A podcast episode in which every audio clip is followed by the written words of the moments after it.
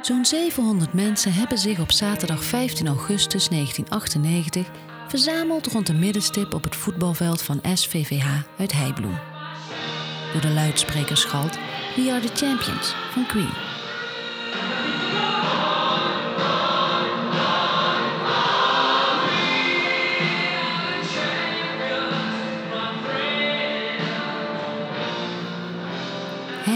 Massaal afscheid van de geliefde Nicky Verstappen. Op zijn kist ligt de vlag van zijn club, Ajax. Nicky is nog één keer op het veld waar hij zich zo vaak Jari Liedmanen waande. Het dorp voelt zich verloren, maar het verdriet verwerkt men samen.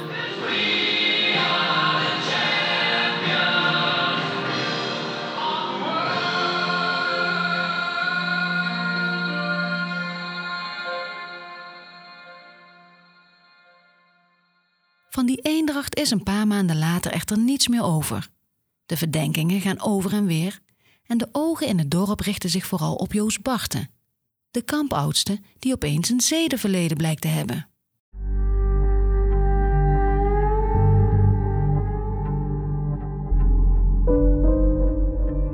Ik ben Judith Jansen, journalist van de Limburger en in deze podcast neem ik je mee in het verhaal van Nicky Verstappen. Aflevering 3. Het gespleten dorp. Kort nadat Nicky is gevonden, begint de politie met het horen van de kinderen en kampleiders. Sommige van hen wel vier of vijf keer. De gesprekken zijn zenuwslopend. Sommige verhoren zijn zo emotioneel dat ze worden afgebroken. Kampleider Scha, die als laatste Nicky's tent dichtritste, wordt in totaal 18 uur verhoord. En ook Nicky's vrienden leggen meerdere verklaringen af.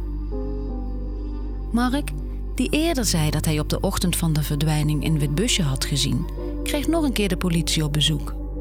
Of er echt een busje heeft gereden, wil de politie weten. Mark barst in tranen uit.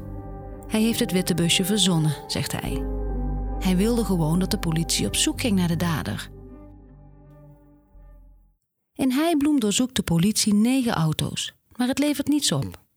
Het buurtonderzoek evenmin. En ook de tientallen tips leiden nergens toe. In een advertentie in de krant plaatsen moeder Bertie en vader Peetje een foto van Nicky met de oproep aan de dader om zich te melden. De politie heeft inmiddels een beloning uitgeloofd van 25.000 gulden. De steunbetuigingen die de ouders van Nicky in het begin nog op de been hielden, maken na een tijdje plaats voor afgewende blikken en ijzige stilte. Heibloem zoekt zwijgend naar antwoorden. Pottenkijkers van buiten zijn niet welkom en vragen over de zaak worden afgewimpeld. Binnen de gemeenschap broeit het echter. Kort na de begrafenis van Nicky komt de geruchtenmachine op gang. Tijdens een bijeenkomst in het dorp laat de onderzoeksleider van de politie zich ontvallen dat de dader binnen het jeugdwerk gezocht moet worden. En al snel wordt er met de beschuldigende vinger naar Joes Barten gewezen, de kampoudste.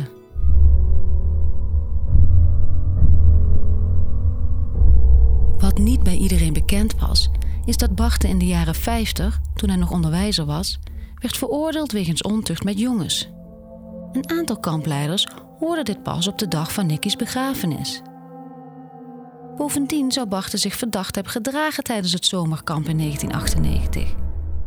De toen 80-jarige oprichter van het jeugdkamp vertrok die ochtend na Nicky's verdwijning plotseling naar een begrafenis in Heibloem. En hij had daar vooraf niemand over geïnformeerd. En het duurde erg lang voordat Barten weer terug was op het kamp waar iedereen het jongetje inmiddels aan het zoeken was. Hij was na de begrafenis even langs twee kapelletjes geweest om voor Nicky te bidden, zo verklaarde hij later. Eenmaal weer terug op de Brunsumer hei viel Barten op door afwijkend gedrag en vreemde opmerkingen. Hij zou gezegd hebben dat ze daar moeten zoeken, wijzend in de richting waar Nicky een etmaal later gevonden zou worden. Niemand die er toen acht op sloeg.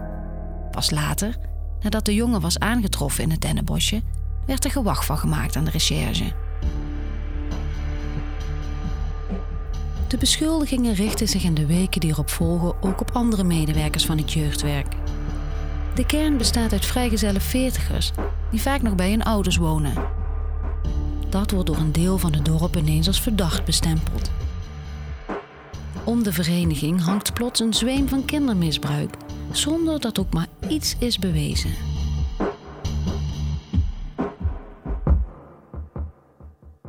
En terwijl de oplossing verder weg lijkt dan ooit, groeit het onderlinge wantrouwen.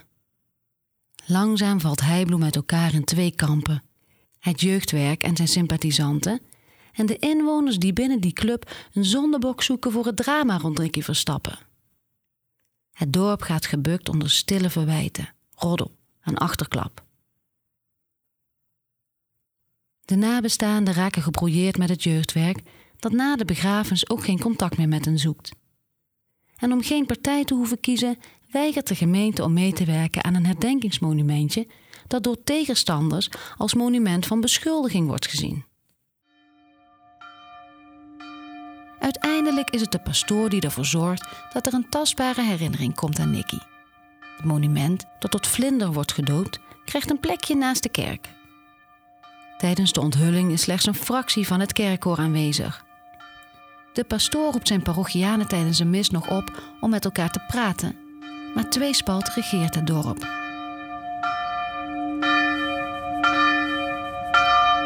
En toch hebben ze allemaal één ding met elkaar gemeen: het verlangen naar een doorbraak. Een moord in een Limburgs gehucht, waar geheimen liever worden verzwegen. Ook al zijn de feiten nog zo verschrikkelijk. In het voorjaar van 1999 belt vader Peetje met misdaadverslaggever Peter R. de Vries. Die komt vrijwel meteen langs. Hij zal zich ontwikkelen tot een vertrouwenspersoon en steun en toeverlaat voor de ouders. Zeven maanden na de moord op Nicky besteedt de Vries op televisie aandacht aan de zaak. In een thema-uitzending doet hij verslag van zijn eigen onderzoek in het dorp en looft hij een half miljoen gulden uit voor de gouden tip.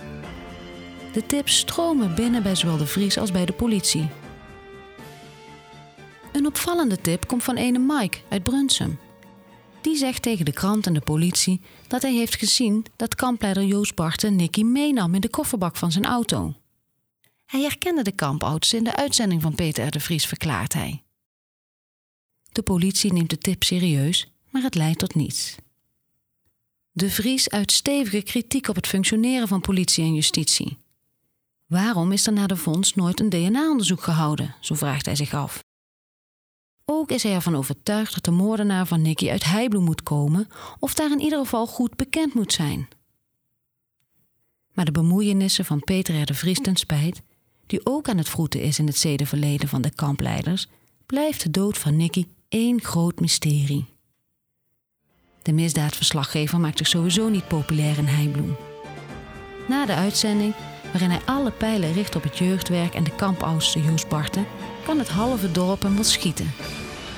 Bloed op de kleren van de kampoudste. En nieuwe beschuldigingen van seksueel misbruik op een eerder jeugdkamp.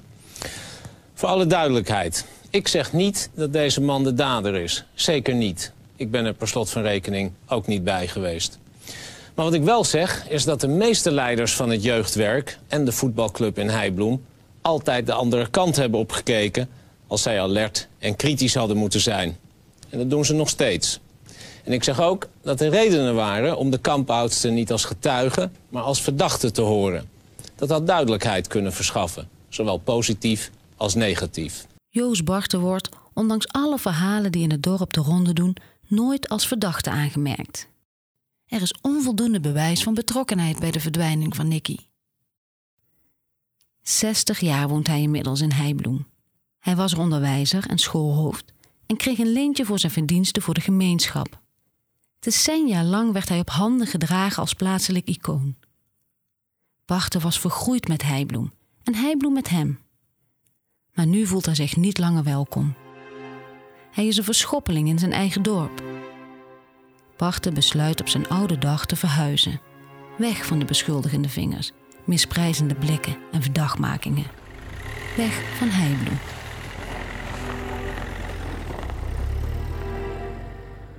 In 2003 overlijdt hij na een slopende ziekte op 85-jarige leeftijd. De uitvaart vindt plaats in Neer, maar hij wordt begraven in Heibloem, het dorp dat ooit zijn thuis was. Zijn laatste rustplaats ligt op een steenworp afstand van Nicky. Of hij geheimen heeft meegenomen in zijn graf, blijft voer voor speculatie.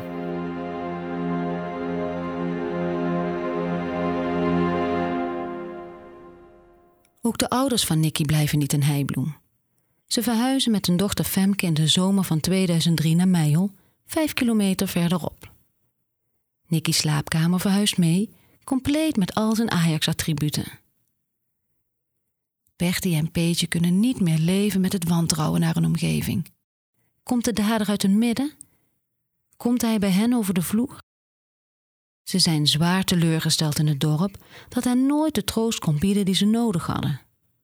Ze zijn teleurgesteld in het jeugdwerk dat voor hun gevoel nooit compassie heeft getoond. En ze zijn teleurgesteld in de onverschilligheid van hun vrienden, die soms meer meeleken te leven met het jeugdwerk dan met de nabestaanden. Ze bleven te lang bezig met de dood van Nicky, werd hen door sommigen verweten. Ze bleven te lang hangen in hun verdriet. Maar hoe kun je in hemelsnaam verder gaan met je leven als er nog zoveel vragen onbeantwoord zijn? De familie Verstappen is vertrokken. Joos Barten is overleden. Maar de vragen blijven. Wat is er met dat schuchtere elfjarige jongetje in Ajax-pyjama gebeurd? Zijn er mensen die meer weten? Bewaart Heibloem echt een geheim, zoals Rowanese suggereert in Vlinder, het lied dat ze opdroegen aan Nicky Verstappen? Of moet de dader buiten de gemeenschap worden gezocht? Antwoorden blijven uit. Sporen ontbreken vooralsnog. Voor het dorp zit er niets anders op dan wachten. Wachten tot die donkere wolk is weggedreven. Wachten tot het moment dat alles openbreekt. Ergens hier een telefoon. Het klinkt anders, harder dan gewoon. Een hond loopt weg, hij draait zich om naar buiten en die staat. Naar een deur dat een geheim